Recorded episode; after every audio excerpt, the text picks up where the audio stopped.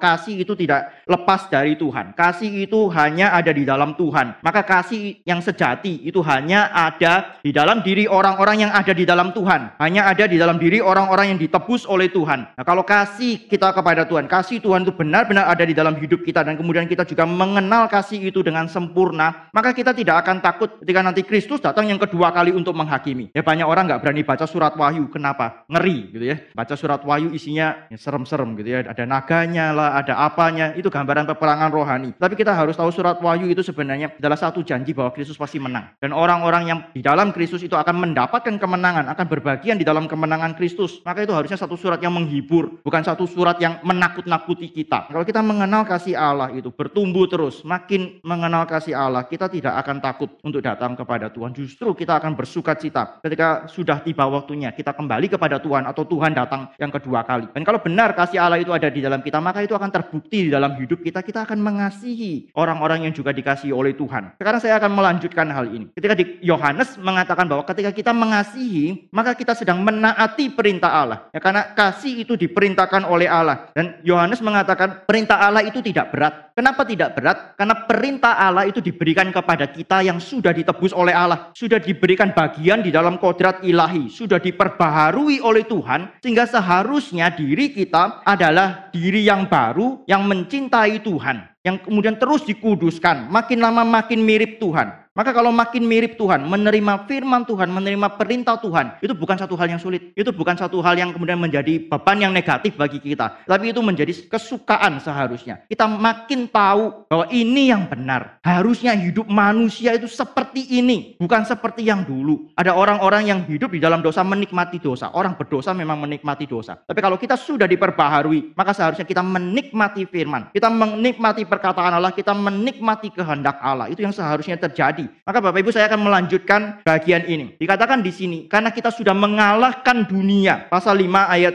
yang ketiga, kita sudah mengalahkan dunia. Ayat yang keempat dikatakan di situ. Karena kita sudah mengalahkan dunia, maka firman Tuhan, perintah Tuhan itu tidak berat, tidak sulit bagi kita. Nah, kenapa kita sudah mengalahkan dunia? Bagaimana kita sudah mengalahkan dunia? Melalui iman. Iman kepada Yesus Kristus yang adalah anak Allah.